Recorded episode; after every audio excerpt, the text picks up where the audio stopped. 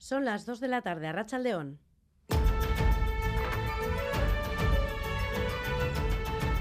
Crónica de Euskadi con Irache Martínez.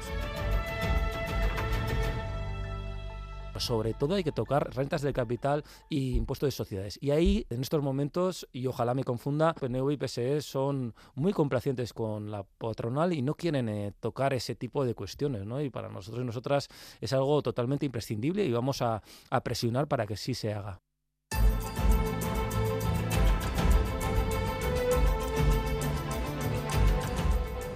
Son palabras del secretario general del sindicato LAB, Igor Arroyo, entrevistado esta mañana en Crónica de Euskadi fin de semana, en las que señala la dirección en la que tendría que ir la reforma fiscal que analizan PNV y PSE. Arroyo además denuncia que no se ha elaborado ningún plan estratégico en Osakidecha pese al problema general de gestión, algo que, según afirma, sufre directamente la ciudadanía.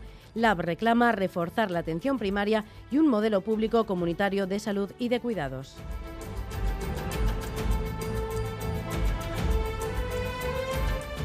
En Turquía y Siria la cifra de muertos tras el terremoto se acerca ya a 30.000 mientras se apuran los últimos minutos para tratar de rescatar a algún superviviente. En las últimas horas, siete personas han sido halladas con vida, entre ellas un bebé, tras más de 140 horas bajo, bajo los escombros.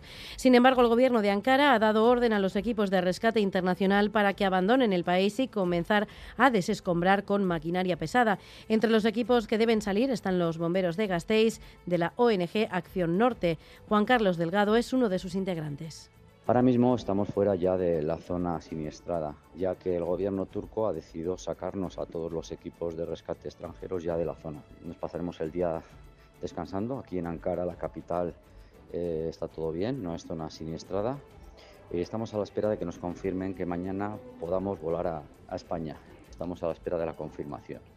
Y esta noche la Erchaincha ha realizado cacheos preventivos para la detección de armas blancas, una noche en la que no ha habido detenciones en este sentido, sí por otros delitos. Hay Iglesia Gunón. Arrataleón, primer fin de semana del dispositivo especial de la Erchaincha en busca de navajas u otras armas blancas, en el que los agentes se han ayudado de detectores de metales y han realizado cacheos. Esta pasada madrugada no se ha realizado ninguna detención por episodios relacionados con armas blancas, pero en el marco de este operativo sí se ha detenido a dos personas por delitos contra la salud pública en una discoteca del centro de Bilbao. Se les ha incautado 31 pastillas y 17 bolsitas monodosis con sustancias estupefacientes y además detenían a una tercera persona por un presunto delito de atentado contra la autoridad. Se han abierto también diligencias contra esa misma discoteca porque superaba el aforo y en el interior había menores. Pero como decimos, sin detenciones relacionadas con navajas, la Erchancha tampoco ha facilitado el número de incautaciones o multas impuestas. Como saben, las multas se han incrementado desde 2.000 euros por llevar un arma blanca de fiesta hasta 3.000 por además ir ebrio o 4.000 por exhibirla. Y vamos ya con un adelanto de la actualidad deportiva. John Zubieta, Rachaldeón. Hola, Rachaldeón. El Atlético asciende a la sexta plaza después de su eh, sufrido triunfo en Mestalla por 1-2 ante el Valencia con goles de Nico Williams y Sancet. Por su parte, Osasuna se cita a las seis y media con el Valladolid. Lo hará sin recuperar efectivos y una lista de 19 convocados en la que figura Iker Muñoz. Por su parte, la Real Sociedad se enfrentará mañana a un necesitado español en Barcelona. La enfermería se va vaciando e Imanol recupera efectivos, como es el caso de Miquel Merino, Sola y Guevara. Una noticia de hace unos minutos, el Atlético femenino ha caído esta mañana por 1-0 ante el Atlético de Madrid. Además, recordamos el triunfo del Alavés ante el Zaragoza 1-4 y el Eibar juega esta tarde en Ipurúa frente al Cartagena. En golf, John Ram se presenta a la última jornada del Open de Phoenix con opciones de triunfo después de acabar ayer segundo a dos golpes del líder.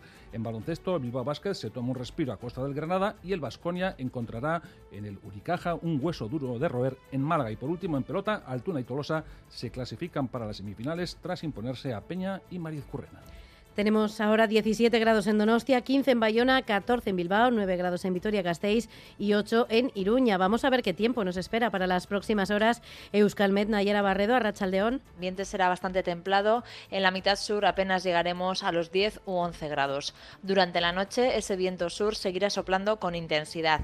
Así pues, mañana seguiremos con la misma tónica. Esperamos otra jornada bastante similar, eh, marcada por el viento del sur que soplará racheado durante el día. Las temperaturas tanto mínimas como máximas, se mantendrán en valores suaves en la mitad norte, donde las horas centrales eh, podrían alcanzar los 16 o 17 grados. En la mitad sur, sin embargo, seguiremos con posibilidad de heladas a primeras horas y las máximas serán parecidas a las de hoy, rondando los 10 o 12 grados. El cielo volverá a estar despejado, aunque no descartamos algunas nieblas puntuales en zonas del Valle del Ebro. En carreteras sin, incidencias hasta ahora, según el Departamento de Seguridad, en el control técnico, Jorge Ibáñez y Jesús Malo. Son las 2 y 5 minutos de la tarde. Comenzamos. Crónica de Euskadi con Irache Martínez.